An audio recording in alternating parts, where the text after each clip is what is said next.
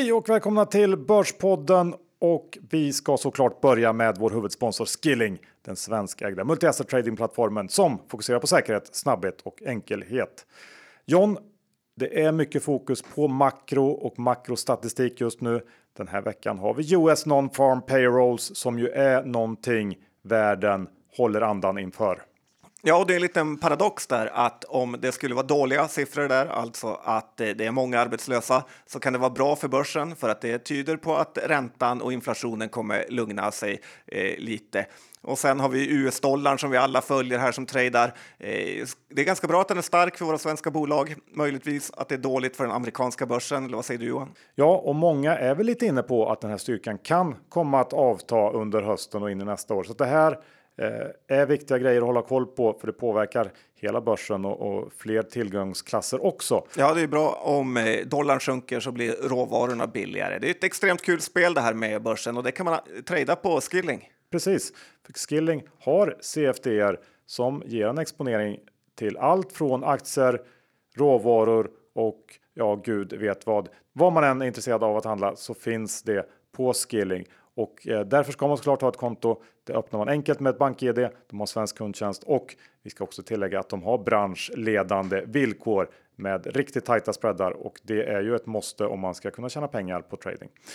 Men kom ihåg 76% av retailkunder får pengarna de har CFTR så besök skilling.com för en fullständig ansvarsfri skrivning. Och med det säger vi stort tack till Skilling. Den här veckan John fortsätter vi vår sommarpodd serie och eh, ja, det är inte direkt så att vi växlar ner.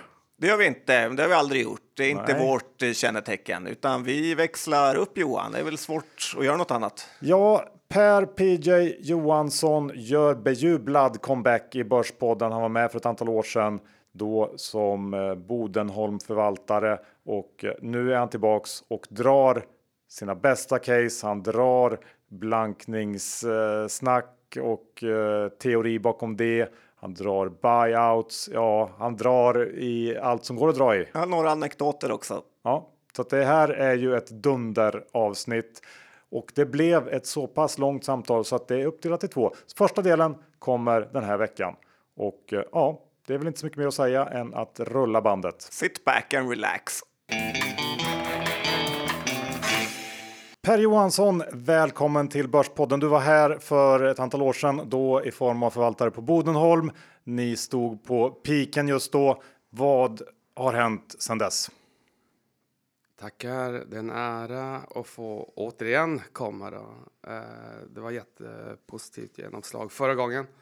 Så ja, men då, eh, jättekul.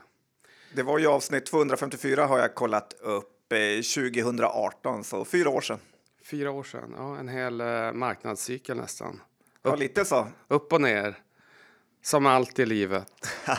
ja, hur är det just nu? Är det upp eller ner för dig? Ja, men det är helt okej. Okay. Eh, familjelivet väldigt eh, positivt och yrkeslivet eh, som alltid eh, jobbigare än man tror.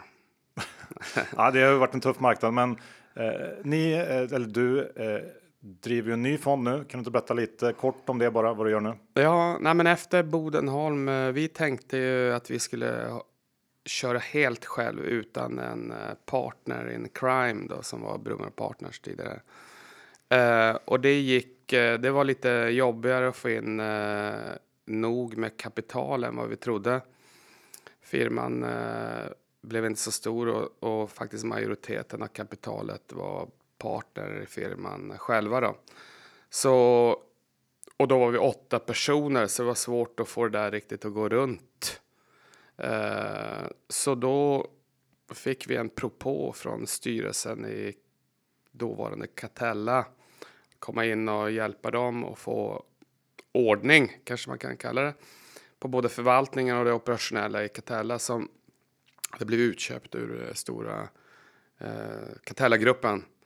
Och det tyckte vi lät som ett eh, jäkligt spännande projekt att få vara med och vända en, en förvaltning. Då.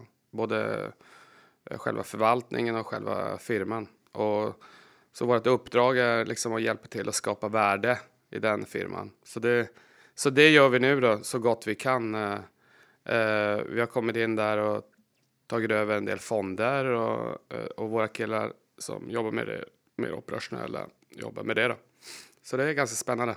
Du fick med dig många från teamet från Bodenholm, va? Ja. Mm. Och, ja, exakt. Så det, från gamla Bodenholm så hade vi ju liksom den här mellanperioden. Och så sen, så att det, så det är hälften kvar från gamla Bodenholm som var som mest 16 personer. De andra klarar inte katten eller? Ja, nej, jag tror att de uh, ville göra sina egna grejer. Så att vi, gamla Bodenholm uh, har, tror jag, tre stycken som har startat egna hedgefonder runt om i ja, världen. England och här i Sverige och Danmark. Det var ett gott betyg får man säga. Och eh, kika lite snabbt på hur ni har eh, gått så här långt i år. Eh, upp 5% ungefär i den här tuffa miljön. Det hade man själv varit nöjd med. Ja, jag tror att eh, det här andra eh, förstår sig på det, säger att det har varit den svåraste marknaden i bondmarknaden speciellt.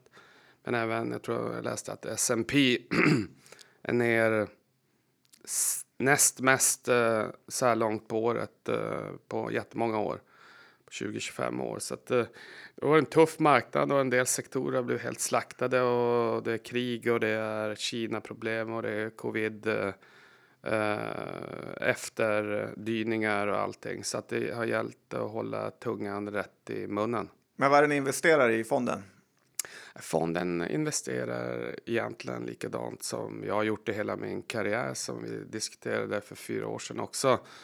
På långsidan så letar vi bolag som genomgår vad jag kallar för dekonglomerisering, spin-offs, konglomerat som splittar upp eller bra bolag som gör lite strukturförändringar i själva gruppens struktur och säljer av någonting. Eller så här.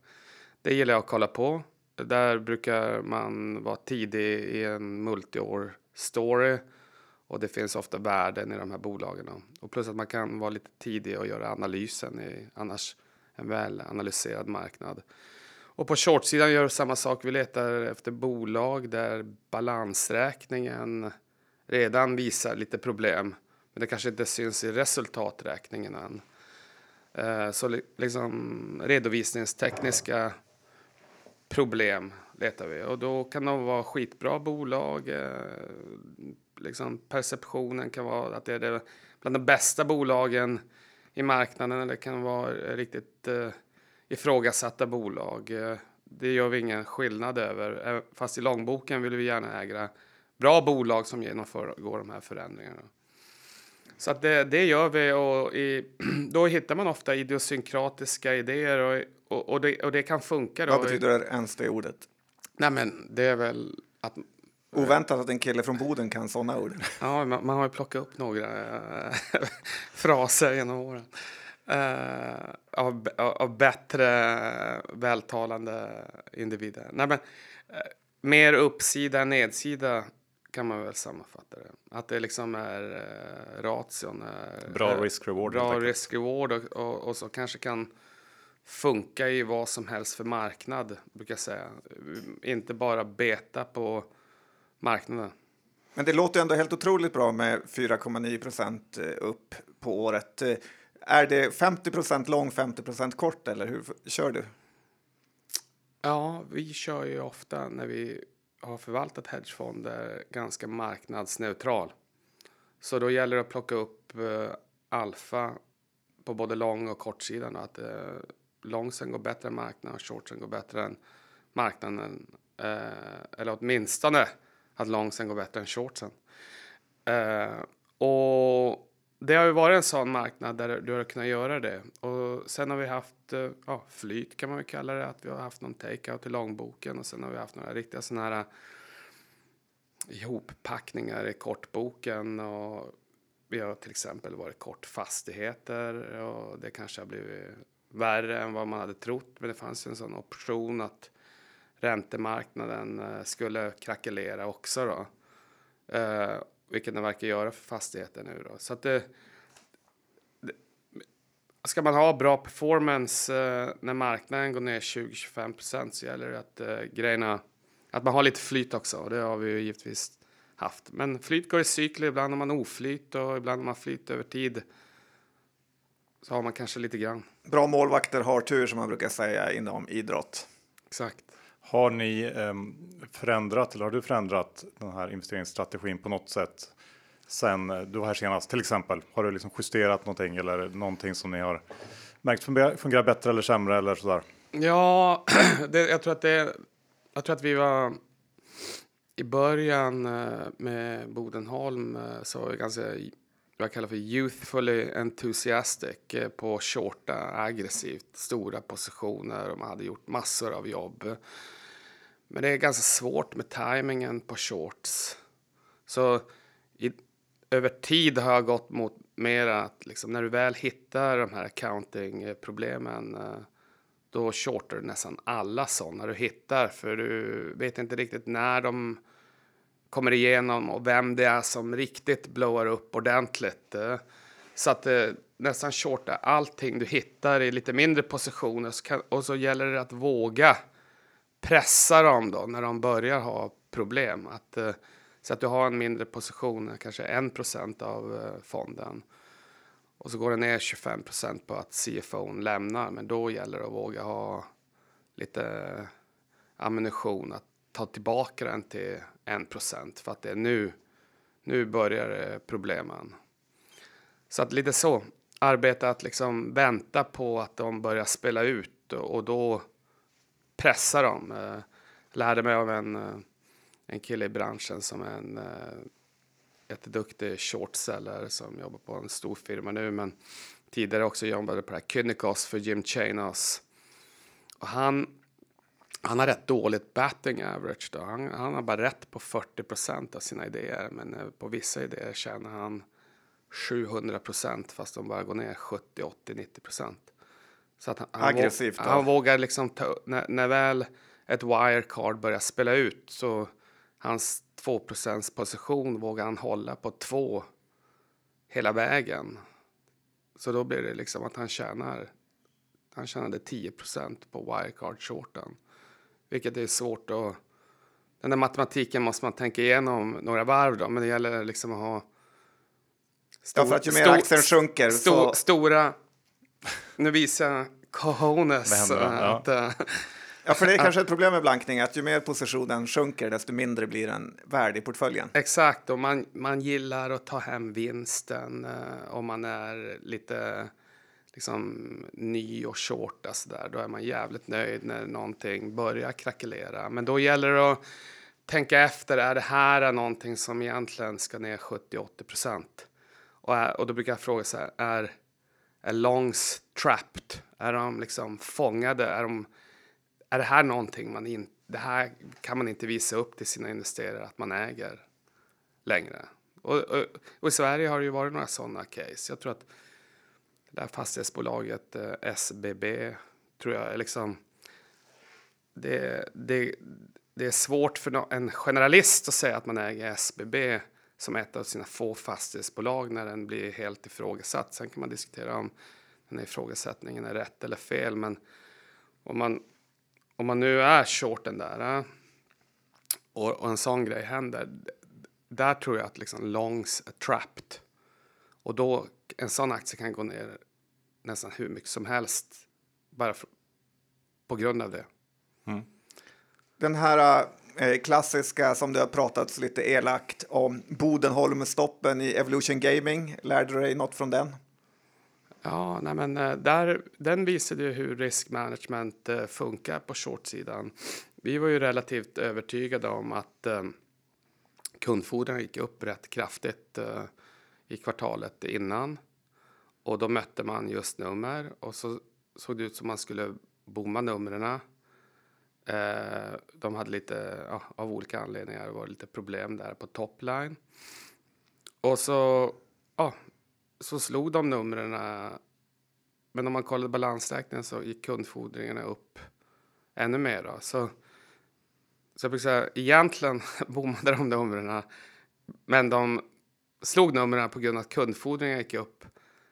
Och sen så löste de sina problem i min mening genom att de släppte på Asien väldigt aggressivt under nästa 18 månaderna. Men under den där perioden, men då funkar ju risk management så, så som vi arbetar när man jobbar med blankningar att ja, men du har bara en viss eh, liksom basis points eh, budget du kan förlora på en short. Så om du har haft en säg 2 short i, i det här fallet Evolution och så den började med att gå ner och sen gick den ju upp mycket men då hade du börjat förlora lite så gick den upp lite till. Ja men då har du tömt hela din budget. Då måste du då måste du, så, då måste du kutta halva positionen eller hela och då måste du förklara för dig själv och helst skriva ner till alla i teamet, eh, de som jobbade på den då, vilket var jag själv då. Eh, alla torskar, eh, teamet sa alltid att alla torskar var alltid jag, alla winners var de andra. Men, ja, men och nu har de inget jobb, halva Bodenholm heller? jo, de har, de har välbetalda, säkert, det går bra för alla, eller de flesta.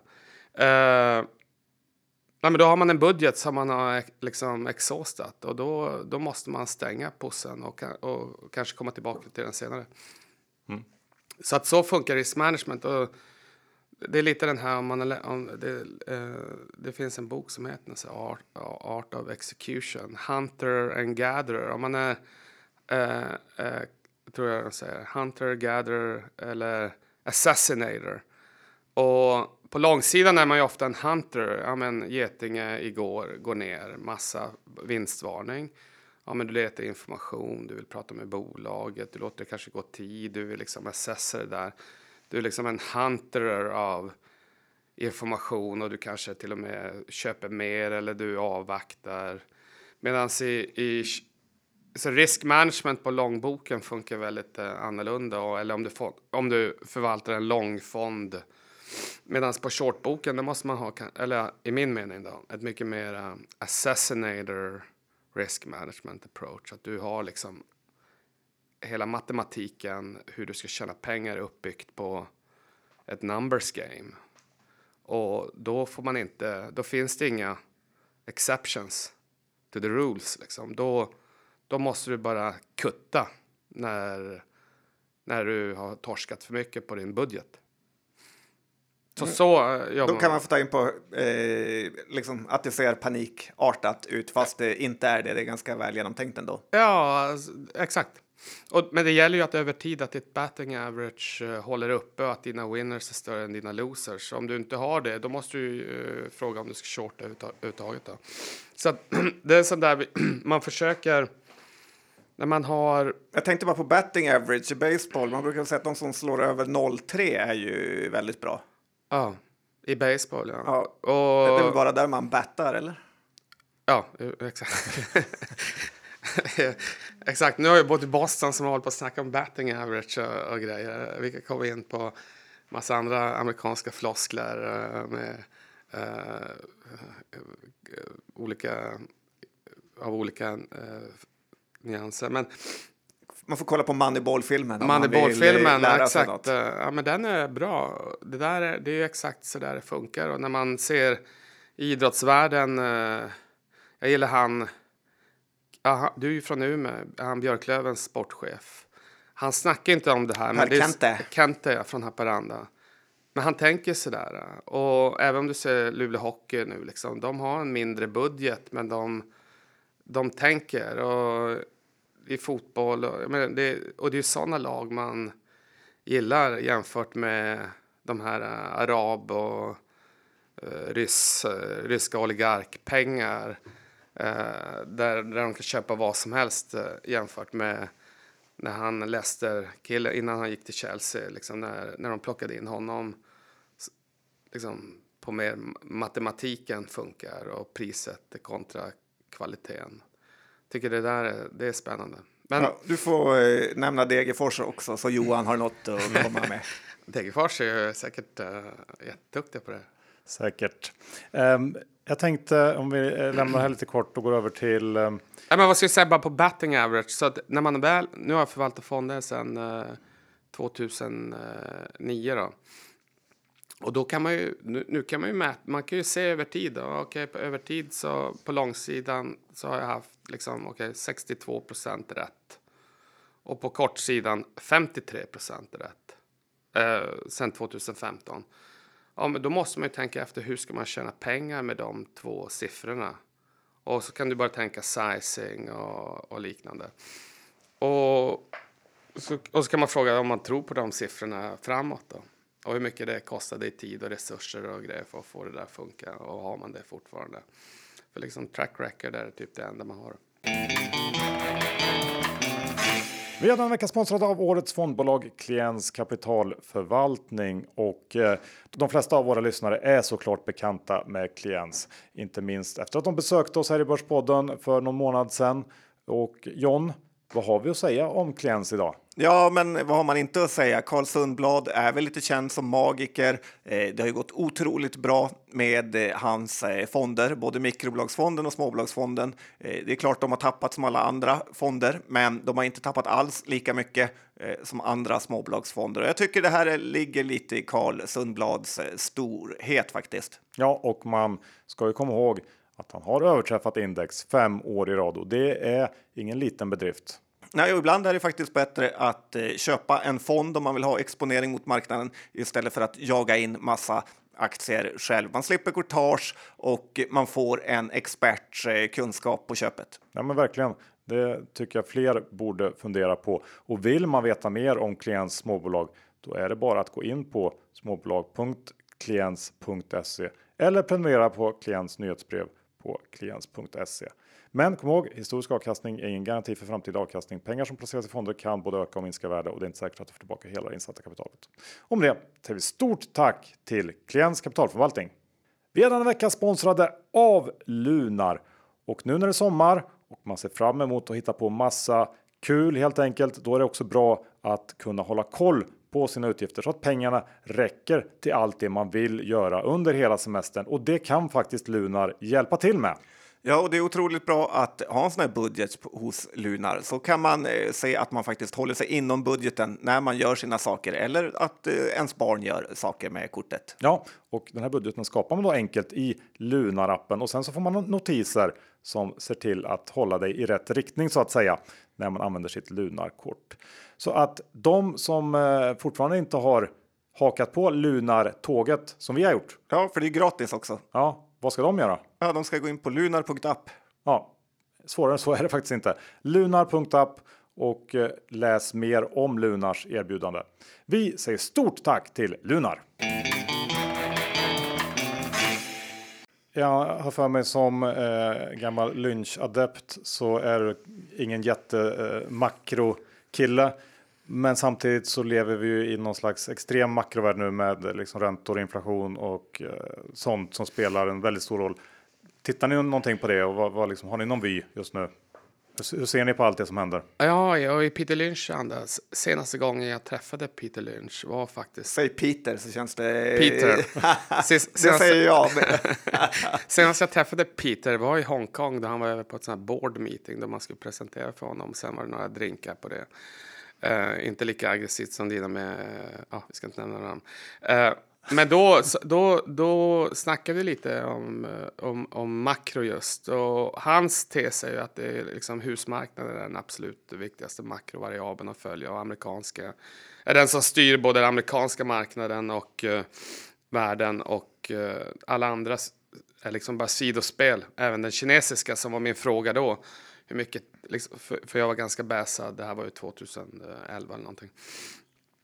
Bäsad på kinesiska husmarknaden, hur ska man fakturera in det? Och då sa han det igen, att eh, det är amerikanska som gäller. Och när man då tänker på den amerikanska husmarknaden idag, då är man ju, det är ju väldigt peakish. Allt är på peak, liksom huspriserna är på peak, uh, uninterrupted, längsta streaken någon gång.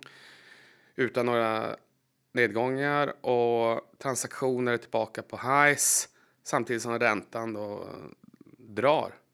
Och man ser redan att transaktionerna packar ihop. Då. Och om man då följer en annan uh, house god, uh, Druckenmiller då, uh, kan ju inte kalla honom för Stanley.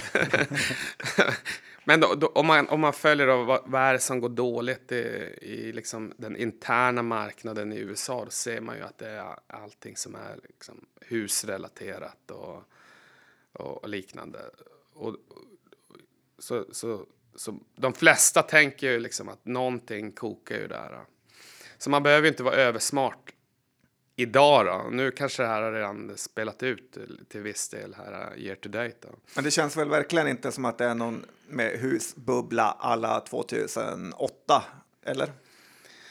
Mm, nej, men samtidigt är man på highs utan en, liksom en cykel eller någonting eh, emellan. Och man vet aldrig vad det har byggt upp för excesser. Liksom. Det är svårt att sätta fingret. Eh, I den amerikanska husmarknaden kanske inte.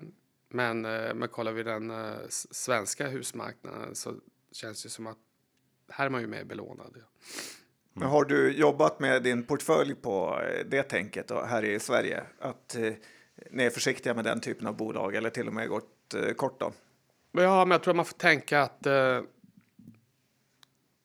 hit, om man tänker på vad det har byggt upp för excesser så är det ju till viss del att du har ju inventoriecykeln är ju till viss del drivet av alla de här problemen med supply chains och, och liknande. Men i många konsumentbolag så tror jag att den här inventoriecykeln är ju för att slutkunder och en del konsumentbolag som säljer till kanske retailers eller andra.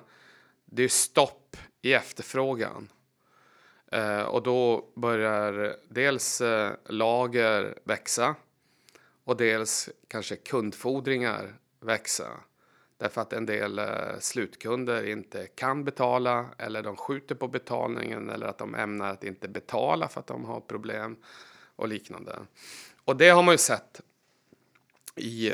Så, så oftast ser man ju mycket accountingproblem i antingen bolag som är aggressiva eller i sektorer som har problem. Och det, är alltid, det går i cykler. Och nu är det ju i fastigheter, konsumentbolag och medtech eh, tycker jag, med, om man ska singlera ut tre eh, sektorer där liksom... Medtech balans. tycker jag ändå var lite ny. Ja, men medtech, där har du ju då de här supply chain problemen. Sen har du ju haft liksom sjukhus och mycket har ju varit försenat från corona och det kanske har tagit lite längre tid. Så därför har liksom sjukhus kanske hållit igen. Och samtidigt har du hela den här supply chain som påverkar och så har du haft Kina som har stått still. Och Kina är en hyfsat stor marknad för medtech. Så i och med att efterfrågan har varit delayed, alltså den här corona pickupen har varit lite försenad och Kina har gått in i sämre och supply chain har påverkat. En del medtechbolag säljer ju till andra medtechbolag och liknande. Så har du ju så har du sett då att både, jag tycker att det är kundfordringar men även upplupna intäkter för ganska många medtechbolag har varit ganska aggressivt stigande. Vilket är att, eh, om vi kommer ihåg Elekta för 6-7 år sedan, har det varit, eh, eller 10 år sedan kanske Tiden går snabbt. Har ni kort Getinge här inne i eh, vinstvarningen? Nej, tvärtom. Det är en uh, hyfsat stor position som vi har ökat på efter förra varningen, eller förra bommen och, och, och, även den här varningen. Men jag tänker det med techbolagen, skulle man inte kunna vända lite på det och bara tycka att det, det är nu efterfrågan kommer istället för att den har varit just delayed och, och uppskjuten på grund av covid? Ja. Eller? Ja, i en del bolag tror jag att det är så. Om du tar Elekta nu då som inte, ja, vi äger en jätteliten eh, position där, men där tror jag att det är så. Eh, men i en del andra bolag är jag inte säker.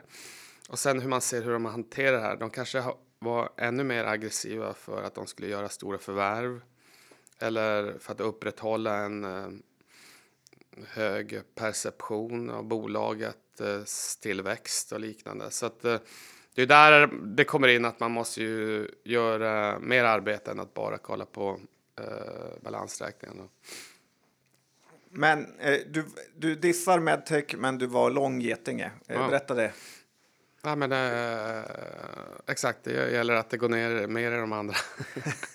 Nej, men Getinge, vi gillar Getinge och jag tycker liksom, det är klart att det, när, när man får ändra guidance där mycket så kommer marknaden att vara rätt eh, eh dömande.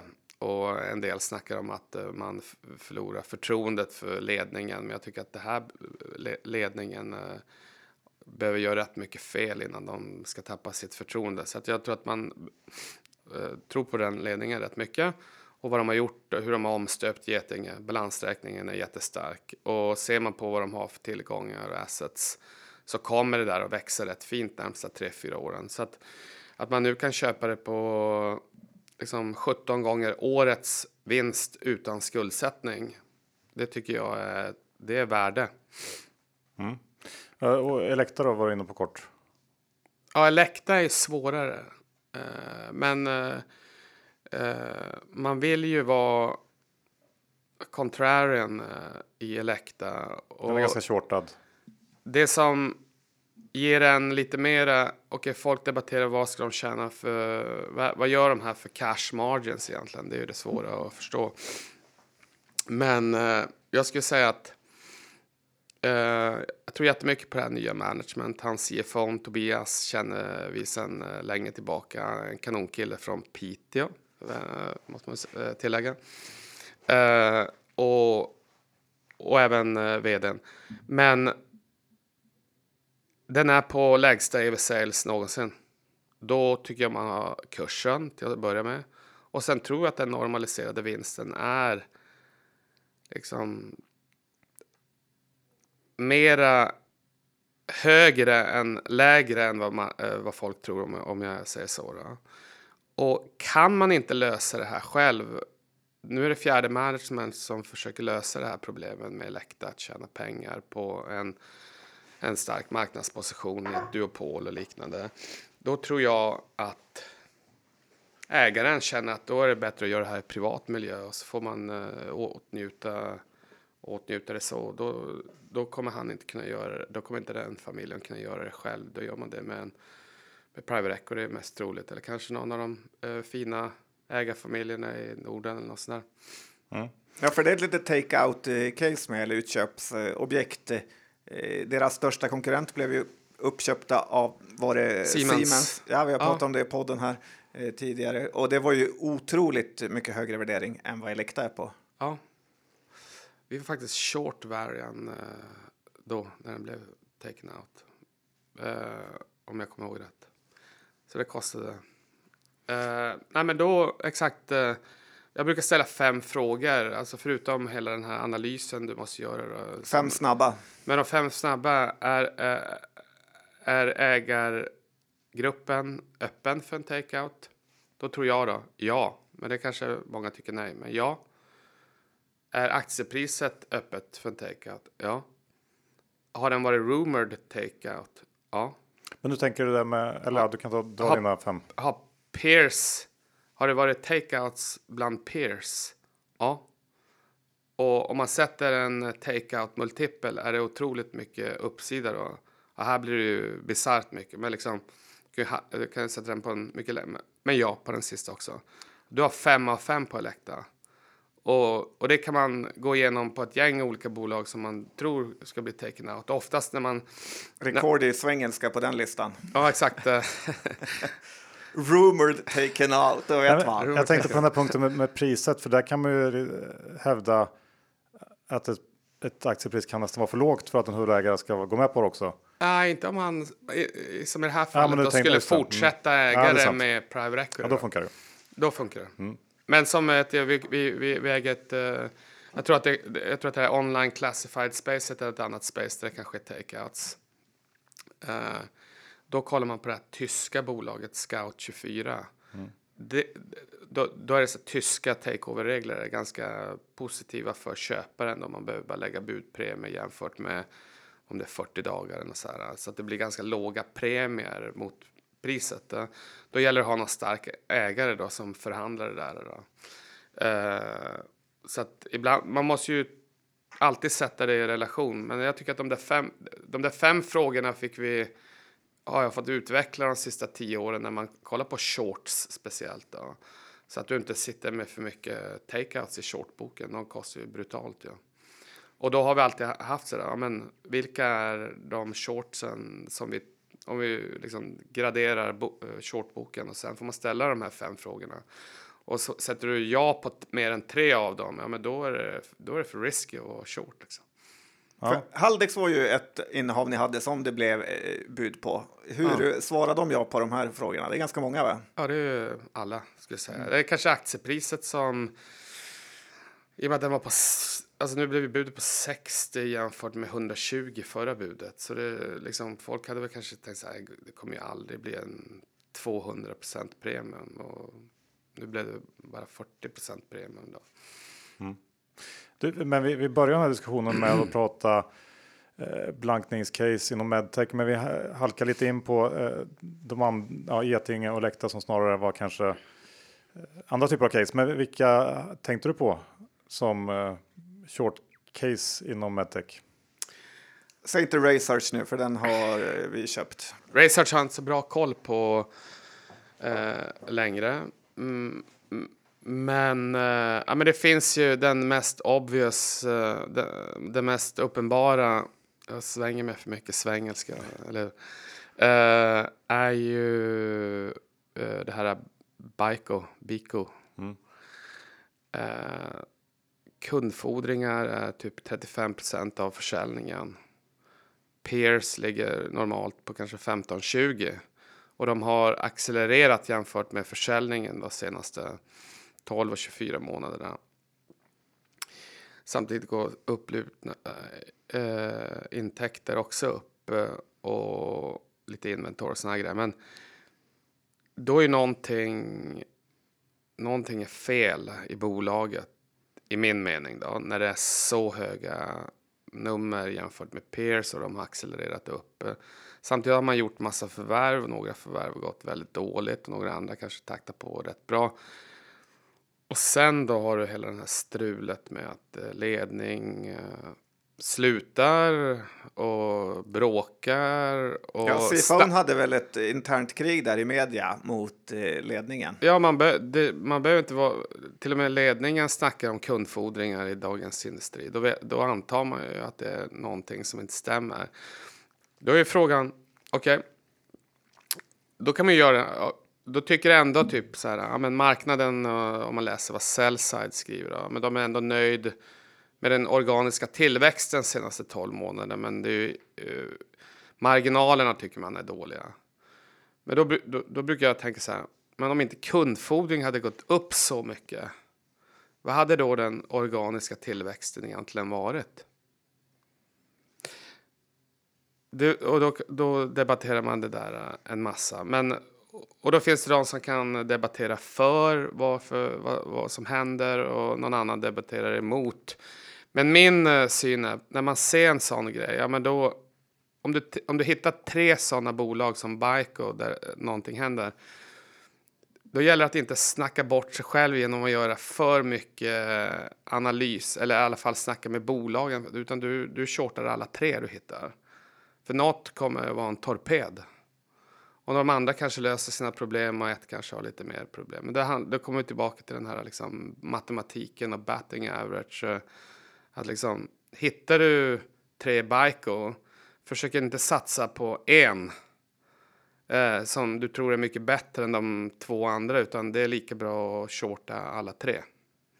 Och det, är, och det är ingenting av att man bråkar med ledningen, att man tycker att de är dåliga eller att bolaget är kast. Bolagen kan vara jättebra eller halvbra eller ledningen, men det är ens jobb att eh, shorta alla tre då, enligt mig. Men du har en liten hang-up på just eh, kundfordringar. Vad är du orolig där? Att eh, kunderna inte betalar eller att det är för generösa betalningsvillkor? Eller att man har nästan gett bort eh, grejerna? Eh, Nej, mer är så här filosofiskt att liksom... om, du, om inte kundfordringen hade gått upp, då hade ju inte din eh, resultaträkning varit lika bra som, som den såg ut att vara då, i förra kvartalet eller kvartalet innan eller rullande 12 eller vad man nu kollar på.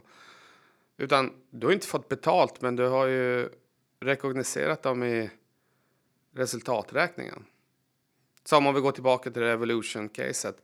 Då visste man ju sen, ett, nio månader efter bättre om ju vad som hade hänt. Det var ju någon kund som hade egna problem. Och var så här, eh, ja men vi, vi måste lösa våran cashflow-situation för kvartalet. Kan vi, kan vi hålla inne med betalning? Och det gick Evolution med på. Så då, men då recogniserar de ändå resultaträkningen. Men de satte den upp kundfordringen, men egentligen hade de inte fått betalt. Eh, men det gick väl kanske eh, med IFRS och det var helt okej okay i det läget. Men i ett annat läge kanske man väljer att hoppas att kunden ska betala. Och, och så, då. så den aggressiva formen av kund liksom är ju att om du börjar liksom boka upplupna intäkter, då har ju inte, kanske inte kunden ens lagt en order ibland. Ja. Mm. Så att det, och då får man försöka tänka efter. Men, men frågar man bolaget kommer de alltid ha en bra anledning till vad som händer. Och då, då blir man ju nervös att man kanske tänker fel. Så ibland det gäller att tänka väldigt mycket men inte tänka för mycket. Nej, men det håller helt Vilket med. är väldigt bra för eh, en själv då som inte är så superintelligent. Att man kommer inte upp till den där nivån eh, då man slår i taket. Ja, man kan tänka hur mycket som helst, kommer ändå inte fram till något. Eh, nej, men det är ju väldigt lätt att man blir manipulerad eller lurad eller övertalad om man pratar med ledningen. Ja, det finns man tar, ingen vd som någonsin och, och tar är man, negativ. Och jag gillar ju han Mattias Perjos jättemycket. Han är ju väldigt konfident och, och där var det ju liksom, de hade ju en dålig kvartalsrapport, Getinge, i Q1 och behöll ändå guidance och, och många köpte ju aktier efter kvartalet också. Så snackar man med dem, de var ju otroligt konfidenta att det var inga problem alls. Så då, ja, man kanske borde vara mer nervös. Ja. Mm, svårt sådär. Eh, Bicko är väl också eh, ett sånt här bolag som har förvärvat ganska mycket och eh, det skulle kunna föra oss in på alla sådana här eh, förvärvsmaskiner som har varit populära på börsen de sista åren. Jag tänker att ni eh, kanske är där och tittar också efter möjliga shorts. Massor. Mm.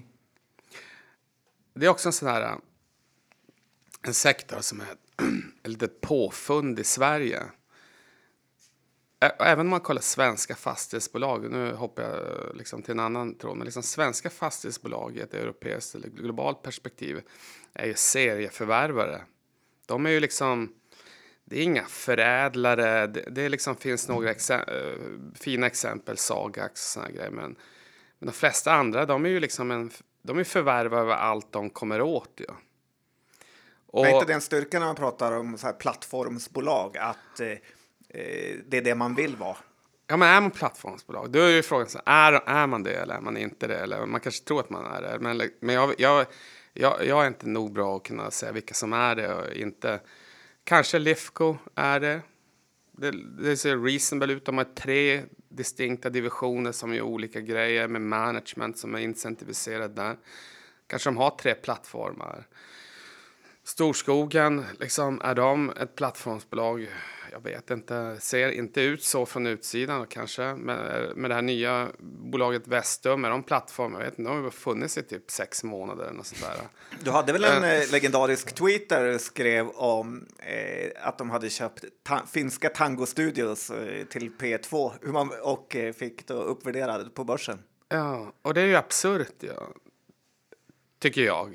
Men ja, man har ju bråkat med många liksom, med den här äh, uh, filosof filosofiska eller teoret. Jag tycker bara inte att det är ibland. Vad säger man? Uh, det är inte intellektuellt ärligt att säga att en finsk tangostudio som man köper för två, tre gånger earnings är plötsligt värt 20 för att den ägs av ett bolag som äger massa plåt plåtslagare och byggbolag. Det, det, är ju inte, det är inte, alltså det kan man inte, det kan man inte tro på om man är liksom i, i den här branschen på riktigt. Men det är många som har trott det ändå och då har man ju tänkt så här, fan man kanske själv tänker fel. Är Indutrade värd en premiumvärdering mot Google? Och då säger alla, men Google är mycket större bolag. De, ja, men liksom, jag vet inte. De också lägger ju in massa R&D över, investerar i R&D. Och ändå är liksom Indutrade värderat högre på börsen. Ja, men de är olika cykler. Men det där, sånt är ju svårt och, och, och det där är ju varför aktiemarknaden är liksom svår. Att, eh, men tillbaka till de här fastighetsbolagen så vill jag bara i ett större perspektiv så har ju svensk, liksom svenska fastighetsbolag varit högt värderade mot NAV, mer belånade, mer aggressiva på sin finansiering. Eh, men man har liksom bara fastnat i en svensk bubbla. Att man jämför dem mot varandra eh, och, och håller på. Medan utländska investerare tyckte att det, det, här är ju en, det är en annorlunda marknad i Sverige om man ska vara liksom så lite konservativ i språket. Det är mycket transaktioner mellan bolagen. Mer än två, tre bolag har insidermål hängande på hela ledningsgrupperna och sånt där, tycker då utlänningar. Och, och, vi bara, ja men vad fan, lite insider åker man väl på i, i, liksom, o, i olika... Det är fastighetsbolagen, de är inte reglerade, de har inte lärt sig än hur det funkar i finansbranschen. Så vi har ju sett på dem med väldigt liksom, eh, liksom half glass full, va? Visst blir det så? Medan utlänningar har varit lite mer half glass empty. Och stämmer det verkligen? För det är jättemånga utlänningar i ägarlistorna på de här stora fastighetsbolagen, eh, Castellum, Balder och så vidare. Är det om man justerar för indexfonder? Det tror inte jag. Okej, okay, det kan Eller... vara det det beror på. Mm. Ja, men det kanske är lite som när vi sitter och tittar på något konstigt asiatiskt land och tycker att där är governance helt uh, åt helvete. Och så ser man inte riktigt själv att ja, men tittar man på fastighetsbranschen i Sverige så kanske det inte är så långt ifrån. Nej, det var någon som... Eh, jag tror att det har varit lite det här eh, denial ain't just a river in Egypt. Liksom. Eh, svenskar har liksom, vi har inte velat se något problem med, liksom med fastighetssektorn. Att, att det sker alla de här grejerna som ser väldigt knasigt ut från ett utländskt perspektiv. Då. Eh, och samtidigt så ser man att tyska fastighetsbolag handlar på 50% rabatt mot NAV. Uh, medan svenska var lite på premium för inte så länge sedan. Då. Fast man har mera belånade balansräkningar, osäkra finansieringslösningar och sådana saker. Och, och det är väl så aktiemarknaden man, man blir ju liksom, det går upp och ner. Och nu är man på väg neråt då efter man hade varit på väg uppåt under lång tid. Men det här låter och, som att du gjort en rejäl hacka på då? Med tanke på hur dåligt det har gått för fastighetsbolagen sista eh, tiden. Att de har performat bra i din eh, Eh, portfölj. Ja, men man har alltid för lite då när man har rätt. Eller där man har haft flyt att få in. Och, och det är ju ingenting att man... Eh, eh, man får ju alltid så här... Men där har också varit så här, men det passar bra att ha en korg på allting. Ja, man kommer inte veta var nästa sko kommer falla eller vad man kallar det. Eh, och attackerar man aggressivt att man tror att man ska bara shorta ett bolag för att det ser absolut sämst ut. Ja, men då kanske det är det bolaget som löser sina problem då. Utan om man kollade, det enkla var ju att kollade du på finansieringen i alla fall. Vilka var mest skuldsatta och hade kortast löptid? Det var, det var väl typ den analysen man kunde försöka göra på fastighetsbolagen. Att de här har liksom mer räntekänslighet än bara eh, fastighetsvärdena. Eh, och när de handlar på premium till NAV så hade du liksom nästan en fri option på att eh, det här kan sluta tråkigt. Men nu har ju... Eh, och så lite de här eh, serieförvärvarna var ju lite likadant. Ja. Där får man försöka ta bort de här. Vilka är de bästa bolagen? Ja, men Lifco och Lagerkrans kanske och något industri, alltså några av de här har historik och de kanske är plattformsbolag. Men sen kan du ju liksom, ja, men de som har haft kortast liv och mest belåning. Och sen om du då hittar lite så här, ja, gå inventory eller kundfordringar i några av de här.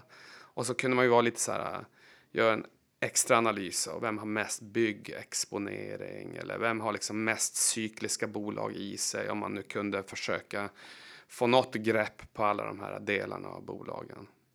Så kunde man liksom också bara, men en korg passar kanske bra. Men det låter som att du kort eh, Storskogen och eh, Vestum då?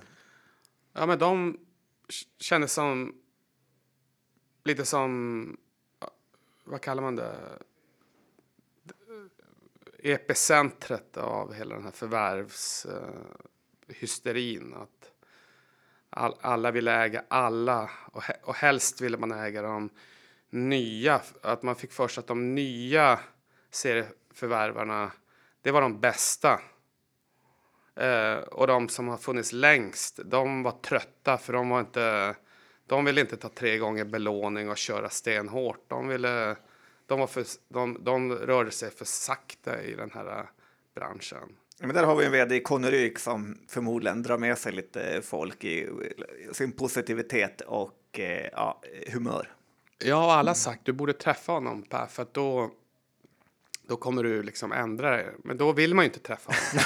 eh, för att han är ju säkert så, han är ju en jätteduktig entreprenör. Jag menar, Vestum har ju säkert flera miljarder i market cap eh, fortfarande och han äger väl halva säkert. Och han har ju, var, han har ju liksom finansierat upp det här och lyckats skapa det här. Han bryr sig säkert inte om aktiekursen går upp eller ner 50 eller 100 procent. Han ska ju äga det här i 10-20 år. Ja.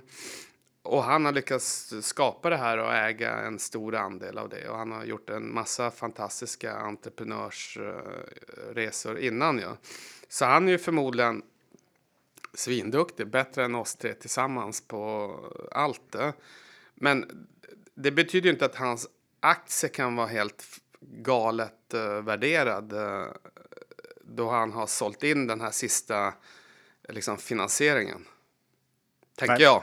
Så är det. Och det här är ju lite som att ni har tagit den här ett favoritställe att investera i, alltså eh, det konglomat. vad säger man? Alltså spin-offs och eh, att och göra bolag. Invertera det. Ja, ni har inverterat det exakt. Ja, för att jag, nu, jag, nu har jag insett att jag har blivit en boomer jämfört uh, de, de här sista fyra, fem åren. Men tycker att logiskt, om man är mer värdeorienterad så tycker jag att det är logiskt. Eh, I alla fall kan man hitta mer orört uh, orörda bolag som kanske du kan vara tidig på om man fokuserar på den, på, på den där andra gruppen. Medan så att köpa de här som redan handlar på höga värderingar och som man ska köpa för tillväxten från förvärv. Då, då är man ju redan i en grupp som är liksom eh, redan eh, upptäckt lite grann. Men om man tittar på kanske världens bästa bolag, eh, Berkshire, så är väl de lite ett gigantiskt eh, Vestum, att de äger ja, bolag. Väl ändå överdriva. Ja, vi har ju varit väldigt negativa till Vestum, lägger eh, mycket för aktiekursen. Men att det har ju ändå funkat att äga eh, många bolag i olika branscher via ett stort holdingbolag. Jo, men han investerar ju, om man, nu, nu, han investerar i cykler, eller hur? När allting är nere och då har han kassa, då investerar han. När allting är dyrt, då håller han ju ifrån Uh, så uh, jag skulle inte hålla med om att Vestum och Berkshire är samma grupp. första gången. Och, men, men, men, om du kollar på det här Danaher och även Constellation Software. Constellation är liksom i software och Danaher i medtech då, men har ju även ägt industriella assets de gör ju jättemycket förvärv, men de har ju liksom en riktig plattform och de har sina Danaher Business Systems. Liksom hur integrerar man? Hur förbättrar man? Vad gör man? Och men sen har ju Danaher gjort liksom under de sista 10-15 åren ett gäng spin-offs. Ja. Okej, okay. det är lite mer Atlas Copco. Ja. Fan, vi blir för stora i en division. De kommer in, vi kommer inte att ge dem kapital att växa låt dem bli ett eget bolag. Då kan de göra massa grejer fortfarande. Men i stora Danaher kommer vi att satsa på life science, inte, inte typ bensinstationer och utrustning runt det. Men som eget bolag kan ju de eh, få satsa stenhårt på den. Ja, men då spinner vi av dem. Eh, de har nu blivit nog stora. Så, så känns det som. Ja, men då har ju Atlas Copco är väl kanske det bästa exemplet i Norden som förädlar, men när det blir för stort eller moget, ja men då får de stå på egna ben. Uh, men är det något mer än Epiroc de har skickat ut? Ja, men de har sålt lite ibland. Du kommer ihåg, uh, de hade den här stora rental businessen som Gunnar Brock sålde. Hans företrädare, den här italienaren, hade köpt den. Ja, men det var ju jättecykliskt. Det var ju en division i Atlas. Ja. Det här var ju 2003 eller någonting. Eh, 2004. Jag tror de sålde 2005. Eh, då sålde de ju en hel division. Eh, och sen kommer jag ihåg de köpte det där Dynapack. Det gjorde de väl så, också av, av sig med. Eh, som var halva eh, construction businessen. så slog de ihop några. Så att de, jag, jag tycker ändå att de har under de sista 15 åren ändå gjort så här tre, tre, fyra transformeringar. Trelleborg var ju lite inne på samma spår här när de krängde iväg däckenheten. Ja, och det är vårt, eh, Trelleborg är vårt stora industriella bett då i, eh, i, i, i fonderna. För att man tyckte, ja men de hade stått stilla kanske, inte fått ut det de, vad de ville. De hade börjat, du kommer ihåg, de har börjat göra en, eh, de hade gjort en liksom egen division de sa var till salu. Det var typ 10-15 procent av försäljningen. Det var klicken för oss att nu ska vi börja göra jobb på Trelleborg för något år sedan. Och sen hade vi inte köpt det för att ja, men agricykeln var svår att bedöma och den gick lite fel och sådär. Och så hade de inte fått det här förvärvet de hade gjort, den där Wheels-businessen, eh, ordning på. Då. Så det var en, men det var liksom, ja men då gick det upp att nu är de beredda att sälja delar. Och så sen då, boom, säljer de ju mer än bara det. De säljer de delarna plus hela Wheels. Men en sak jag tänker med Trelleborg svarar inte jag på alla dina frågor. Det är väl Dunker-stiftelsen som är storägare där, så att det, en take-out är ju omöjlig. Nej, exakt. Det, jag ser inte Trelleborg som ett take-out, utan jag ser det mer som ett konglomerat som splittar upp. Då. Slut på avsnitt 463, lite av en cliffhanger får man ju säga. Men ni behöver inte vänta länge. Om en vecka så får ni höra PJ igen. Det får ni. Ja, bra. Och eh, innan vi helt säger hej så vill vi ju såklart tacka vår huvudsponsor Skilling. Se till att ha ett konto igång nu när det behövs som mest. Det är enkelt. Ni vet hur man gör. Det är bara att surfa in på skilling.com eller ladda ner appen. Men kom ihåg 76 av retailkunder förlorar pengar när de har CFD. Så besök skilling.com för en fullständig ansvarsbeskrivning. Bra John! Eh, med det så hoppas vi att ni ändå kan njuta av semestern trots en börs som går både upp och ner. Eh, det försöker vi göra i alla fall. Det försöker vi göra, både gå upp och ner ur badet Johan. Så tack för att ni lyssnar. Ja, vi hörs om veckan. Hej då! Det gör vi. Hej då!